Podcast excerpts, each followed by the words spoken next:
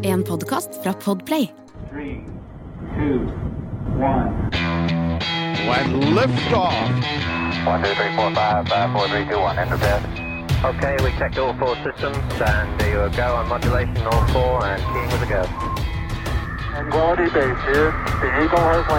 Riktig god påske, kjære ørevenn. Dette er Romkapsel som eh, preger ditt eh, solbrente, forhåpentligvis, eh, øre med påskefjas fra verdensrommet.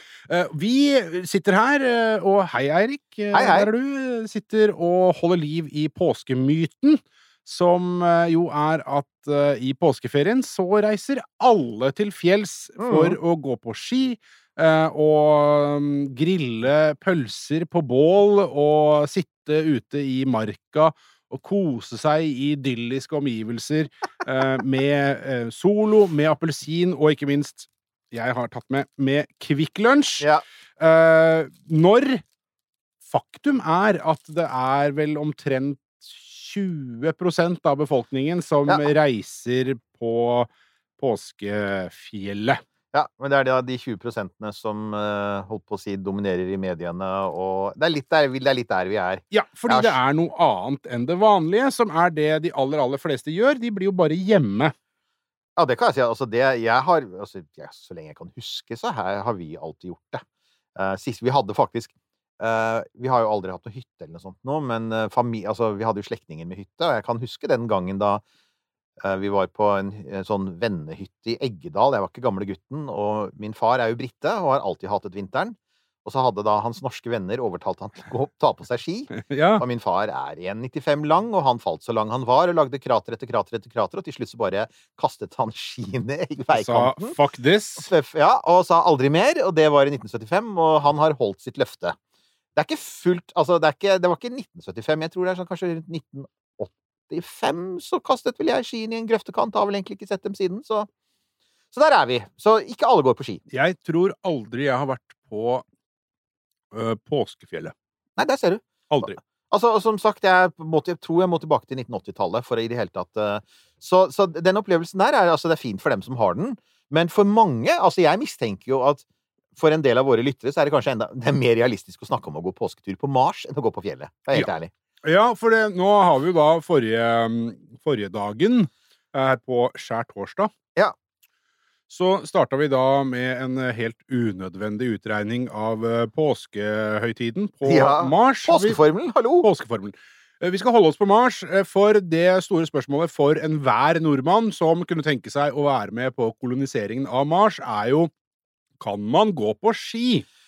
Det viser seg jo at dette er det en del som har stussa over, og det ligger noen videoer der ute. Jeg syns ikke de var så veldig fyllestgjørende, for de endte liksom opp med å si at jo, jo, men altså, folk kjører jo for eksempel på grus og sand, og det er sant, du kan kjøre på ski på grus og sand, men jeg tenker at den ekte påskefølelsen, den får du når du går på snø. Altså, å Ja. kjøre nedover en skråning med glatt skiferhelle, det er ikke påske, altså. Nei, men så har jeg jo sett Sier han som eh, ikke har vært på ski siden Reagan var president. Jeg har jo sett folk stå på sånn snowboard og sånne ting i Ja, ja. ørkenen ute i eh, Ja, altså- Dubai og sånn. eh, altså, så sånne ting gjør man. Bare, ikke sant? Du kan jo egentlig stå på ski på det aller meste, og jeg har skjønt at du kan Altså, det er vel mange som trener hopp i sånne hoppbakker med sånn plastbelegg. Ja, og sånn ja, sånn, ja. Nei, så altså, det, finnes, jo, finnes jo konseptet rulleski. Det er for meg fullstendig uforståelig, men det finnes nå og er eh, i visse kretser ganske populært. Og så har jeg også skjønt at det er sånn blodtrykkshevende for folk som er på veien. Ja, ja, ja, Eh, ja. altså fordi de er i veikanten, og, og når de er i sykkelstien, så er de blodtrykkshevende for oss syklister også. Men nok om det! Ja, Det vi er skal sikkert- til det- Mars! Dere som kjører rulleski, er dere, alle dere som hører på vår kanal, er helt sikkert strålende der og viser hensyn. Ja. Men ja, vi skal til Mars for å se om man kan gå på ski, og i utgangspunktet så er jo det er mye Vi veit jo at det er mye is og vann der, og det, det veit vi fordi at vi har snakket om det mange ganger. Eh, denne kanalen er opphengt i det, og sånn igjen, det generelle regnestykket er at det er nok is. Det er, kan være noe vann, men det er mest is. Vannis, da, H2O. For det finnes en annen type is der også. Um, til å dekke hele Mars til et dyp av 30 meter. Og, og det, er, det er ikke så dårlig. Ja, det, det er bra. Det er ganske bra, så det er det. Men problemet er jo at det aller meste av det vannet, det er under bakken.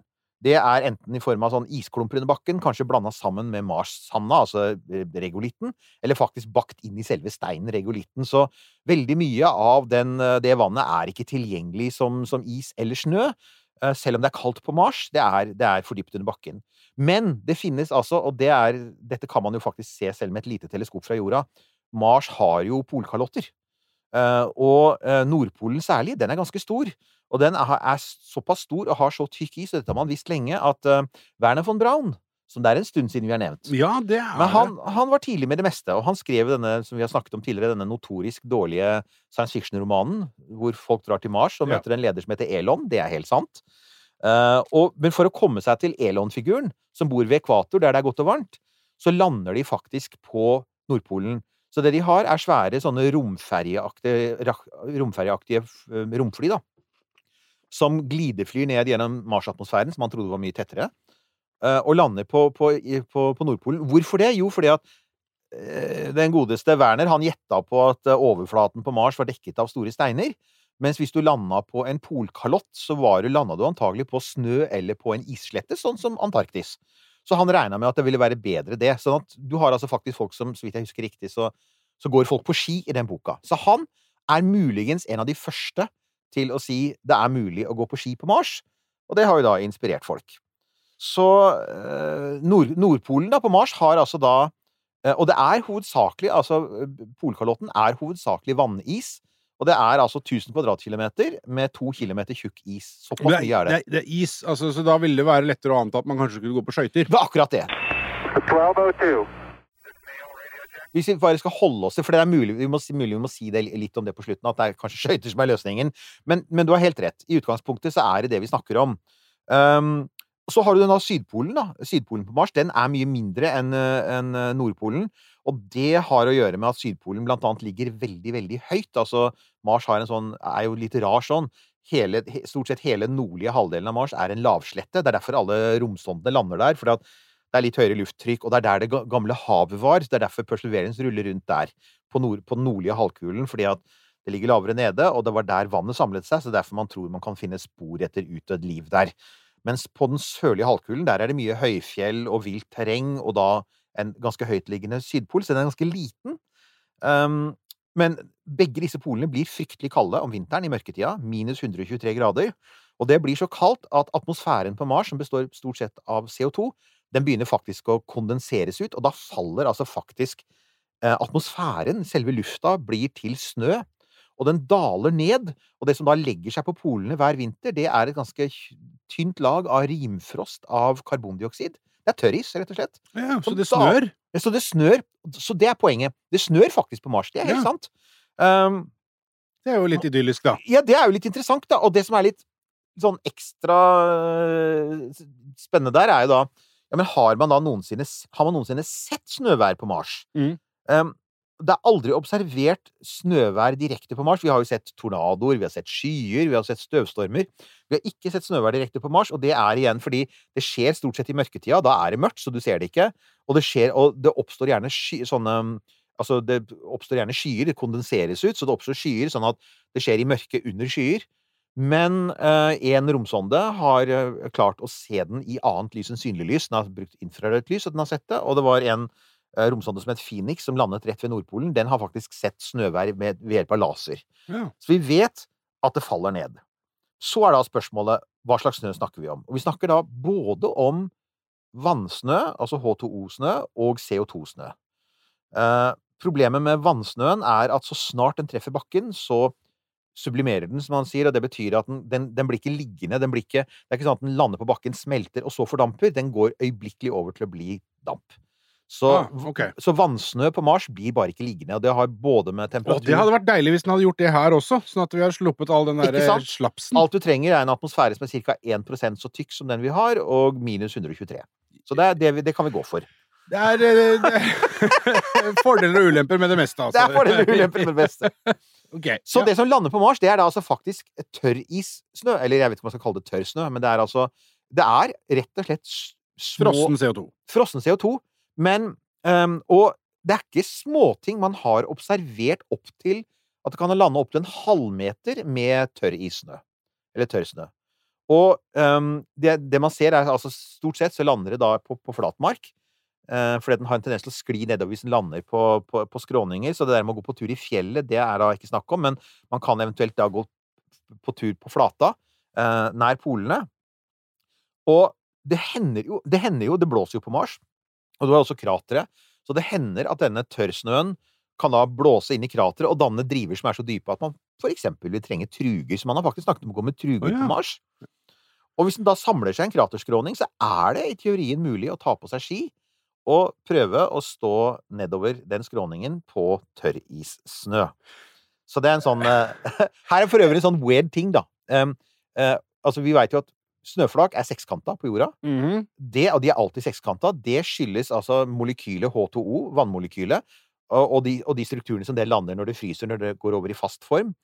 Eh, dette her er altså CO2-snø, eller tørrsnø. Den er kubeformet, og, og snø, snøkornene er snøflakene er bitte, bitte, bitte små. De er mindre enn tykkelsen på et hårstrå. Men det er snøflak! Ja. Så det er altså massevis av små kubeformede krystaller som daler ned på natten på Mars. Det er egentlig Så det ganske, sånn, er, er ganske eh, poetisk, egentlig. Det er, ja, det er det. Upro altså problematisk å lage snøball, snømann. Det vil jo da være Ja! vanskelig. Det, det er Eh, helt klart. Eh, vi vet jo også her hjemmefra at når det er veldig kaldt, så er det vanskelig å lage. Det Men der er du inne på noe veldig viktig. Finkorna snø. Det er at for at snø skal være nyttig for oss, også å gå på, Ja. så trenger du litt fuktighet. Ja. Og Eh, det er jo dårlig med. Ikke sant? Og, og dette har jo litt å gjøre med altså, ja, Aller først, da, hvis du skulle, folk skulle gå på ski, så er det jo På Mars så må du løse problemet med å feste ski til astronautstøvler. Kan jeg bare Det er ikke øverst på lista over Nei, ting man nei, skal nei. gjøre på Mars. Det er ikke det. Men det, det, det kan teoretisk sett være mulig. Og så må du må ha veldig breie ski, ser jeg for meg. Men det Ja, det kommer vi tilbake til, for det er jo da de oh, som ja, er det det motsatte. Ja. Nei, for det, det, folk har Altså, igjen, da. Det, det er som alltid når man begynner å gjøre research på dette her. Det var som den der Mars-kalenderen vi snakket om i forrige episode. Det Ja. fins alltid en eller annen geek som har satt seg ned og regna på det. Det gjør det. Ja. En av de første geekene som tenkte på dette, det var jo vår eh, venn eh, Harrison Schmidt. Ja. Eh, Han på Apollo tre- eh, 17, geologen, som jo hadde mye å gjøre i Norge. Vi har vært innom han mange ganger. Senest dette her tette forholdet han hadde til en liten bygd, liten bygd bort på Vestlandet. Mm. Han snakket jo om Han, han sier jo faktisk under Apollo 17-ferden Se her, jeg, han, han sier at han brukte eh, altså sånn langrennsskiteknikker for å bevege seg over månen, ved at han liksom skjøv føttene framover. Eh, omtrent som når du går på ski. Så Harrison Schmidt vil jo vel til denne dag hevde at han delvis gikk på ski på månen, selv om han ikke hadde ski på beina. Og månestøvet er såpass finkornet at det er ikke helt utenkelig at du kunne lage en slags ski og gå på det, men det vil jo da ikke være snø. Men Så, så en eller annen, meiefarkost Ja, en eh, meiefarkost. nei, det som da er utfordringen her, da, er at du har nok På Mars. på Mars, Ja. er at du har nok tørrisnø til at du i hvert fall over kortere strekninger Det blir nok ikke liksom sånn som Hardangervidda eller sånt, men på kortere strekninger så kan du da gå fra habitatet, eh, hvis det ligger i et område hvor det faller dyp snø, og så kan du da gå på disse skiene. For at du skal ha god glid, så må du også under ski eh, må du ofte da ha en sånn tynn hinne av vann. Vi- Vi veit at det er greia med skøyter. At for at du skal kunne skli på skøyter, så må det oppstå en, en hinne av vann. Og den, den lille tynne vannhinna, den får du da når du får, du får trykket fra vekta av personen og metallet mot underlaget, og det gjør at det oppstår en sånn sone med høytrykk, der, vannet, der smeltepunktet plutselig blir eh, mye høyt, høyere, og du får, det blir flytende. Så problemet her, da, det er at når du da presser ski ned mot denne tørrisnøen, så trenger du egentlig en hinne av flytende CO2 for at det skal gli godt. Ja. Og CO2 kan være flytende, det er ikke det. Det er en sånn klar væske. Men CO2 er aldri flytende når trykket er så lavt som på Mars. Nei. Sånn at all CO2 er enten i fast form eller i gassform på Mars. Ja. Sånn at i det øyeblikk du da setter skia ned på snøen jeg, Folkens, jeg vet at dette er en bisarr diskusjon, men det er en diskusjon folk har hatt. Så folk har da regnet på det og funnet ut at det er det er kjempeproblem Altså, altså du, du vil nok kunne skli, men du vil ha dårlig glid. ja, for det vil bare bli gass. 1202. Det vil bli gass eller fast stoff, og det Ja. blir liksom sånn så, Men så Sektoralarm presenterer Barn som lyver om nøkler. Men mamma, jeg var jo bare ute med Emma, ikke sant? og så la jeg nøklene mine sammen med den brødskiva på den stubben, ikke sant? og så kommer det en rev, og den bare spiser både brødskiva og nøklene, og så sprang den bare sånn kjempefort rett bortover. Jeg klarer ikke å løpe etter, jeg kan ikke løpe etter en rev, liksom. Kan ikke det. Akkurat nå har Sektoralarm kampanje på boligalarm og dørlås med kode istedenfor nøkler, slik at barna alltid kommer hjem til en trygg bolig. Les mer på sektoralarm.no. Kiwi er billigst i VGs matbørs og har vært billigst i fire av de fem siste VGs matbørser. Og nå presser vi prisen på påskevarer fram til 1. april. På 591 gram Toro vaffelmiks presser vi prisen fra 35,90 helt ned til 29,90. På 410 gram Lerum jordbærsyltetøy presser vi prisen fra 29,40 helt ned til 22,90. For det er vi som er prispresserne. Og vi i Kiwi gir oss aldri på pris. Så er det da enkelte som har sagt kan du, kan du likevel oppnå noe hvis du lager skiene veldig smale? Og da kommer vi over til spørsmålet om skøyter. Eh, Mm. For skøyter har jo da veldig smale metallmeier, Ja. og det gjør at når du da står på isen, så får du veldig høyt trykk der og da, og da får du det der høytrykket, og du får vannet som smelter, og du får den hinna.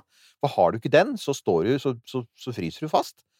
Så her er da det store spørsmålet om du kan lage veldig sånn at du, tenker at det logiske er ja, men du må ha veldig brede ski, for at For ellers, ellers så fange synker ja, for ellers så synker du gjennom snøen. Ja. Jo, men hvis du skal ha god glid, så må du antagelig ha veldig smale ski.